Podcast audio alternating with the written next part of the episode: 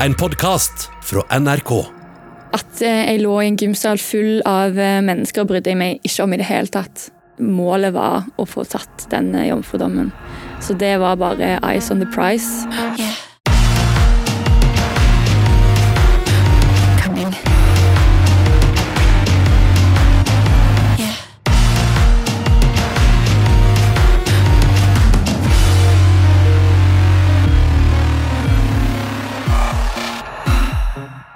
Mine første seksuelle erfaringer var litt sånn klining på fest.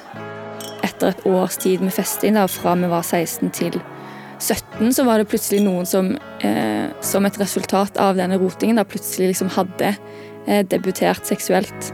Og da var jeg litt sånn shit. Da ble plutselig det et tema, da, at nå måtte den jomfrudommen tas. Den venninnegjengen vi var, var veldig tett. Eh, Og vi hadde nok satt en sånn litt sånn usagt alder på at liksom 18 Man måtte liksom ta jomfrudommen sin før man ble 18. Så når ca. fem hadde debutert seksuelt, da var jeg litt sånn nå, eh, nå har jeg jo lyst til å bare få det gjort. Så da begynte jeg nok kanskje å gå litt mer inn for å prøve å få det til, da. Jeg har alltid sittet i masse sånn forskjellige elevråd og elevrådsstyre. Og så skulle det være en samling i Bergen for alle som satt i elevrådsstyrene i hele landet. Så da dro jeg og mitt elevrådsstyre til Bergen, og jeg var 17 og et halvt år. Og eh, da følte jeg at eh, nå var barn klar, fordi her var det ingen jeg kjente. Og for en som bare ville ta jomfrudommen sin, så var det liksom helt perfekt. Så plottet var liksom komplett hvis jeg eh, kunne treffe en fyr som jeg syntes var kjekk, og bare nesten sånn få det gjort, og så dra og aldri se han igjen. Så det var det som var planen. Ja.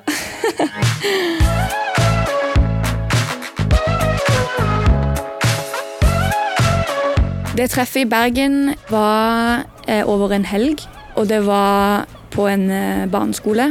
Så man pakket en sekk og hadde med oppblåsbart liggeunderlag og sovepose. Og der eh, treffer man jo veldig mange folk som er ganske eh, like seg selv fordi man er politisk engasjert eller har lyst til å få til noe. Eh, så der traff jeg flere fyrer som jeg liksom så potensialet i. da. Eh, men det var én en spesifikk som på en måte eh, stakk seg litt ekstra ut, som var ganske, ganske kjekk. Altså, Jeg dro jo ikke til Bergen for å ta jomfrudommen min, men når jeg traff han, og det var ganske god kjemi, og bestevenninnen min nettopp også hadde tatt sin jomfrudom, så var det liksom mange ting som bare klaffet litt, da. Så utover på eh, kvelden så ble vi hengende veldig mye sammen.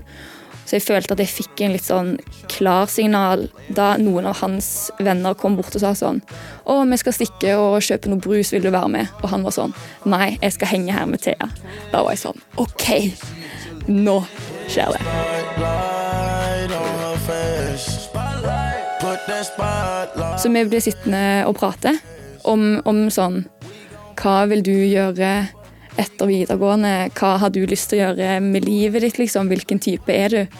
Um, så det var jo nesten som å være på fest, bare at eh, det var uten alkohol.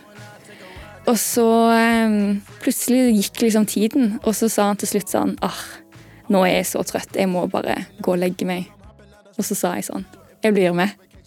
Og da var han sånn eh, OK.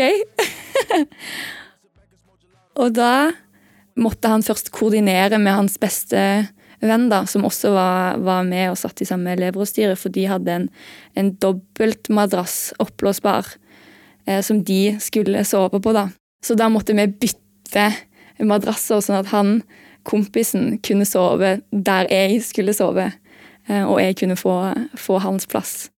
Begge to sov jo i hver sin sovepose, så jeg måtte jo først liksom komme meg over i hans eh, sovepose. Eh, Så ble vi liggende og kline litt der. Og så var han sånn eh, vil, du, vil du ligge? Og så var jeg sånn Ja. At eh, jeg lå i en gymsal full av eh, mennesker, brydde jeg meg ikke om i det hele tatt. Målet var å få tatt den eh, jomfrudommen. Så det var bare eyes on the prize.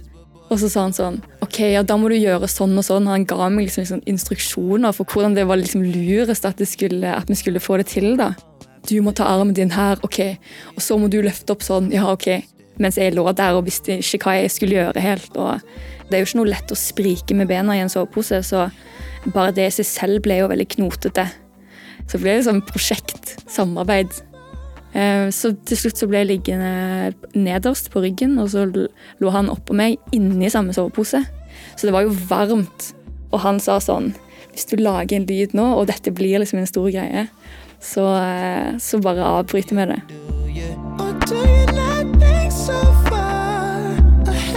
Da jeg lå der, og vi liksom faktisk hadde sex, så syns jeg at det var eh, ikke deilig, i hvert fall. Jeg var garantert liksom ikke våt nok, så det ble veldig sånn humpete. Og ja, det bare, det bare glei veldig dårlig. Med kyssing, og så prøve å finne posisjon som funker. Begge to inn i samme sovepose. Litt sånn ta på hverandre, kanskje. Kle av seg, ikke minst. Hele mm, den økten, hvis man i det hele tatt kan kalle det det, den varte vel kanskje 10-15 minutter. Så det ble, det ble et dårlig ligg. Og jeg husker ikke om han kom inni meg engang, det vet jeg faktisk ikke. Men jeg er jo egentlig mest opptatt av at nå hadde jeg sex, og nå fikk jeg tatt den jomfrudommen. Så kunne jeg få nye sjanser senere, men nå var jeg i hvert fall eh, invitert inn i denne verden, og nå liksom var jeg et medlem av eh, oss som er seksuelt aktive. Og eh, morgenen etterpå så hadde jeg liksom blødd litt, og da var jeg sånn OK, perfekt. Her er jomfrudommen tatt. Stemningen dagen etterpå da vi våknet, var litt sånn eh, blanding av formell og litt sånn fnisete. Litt sånn he-he, nå må jeg gå og, eh, tilbake til min madrass og hente tingene mine og kle meg. Og ja, vi ses til frokost, eh, liksom.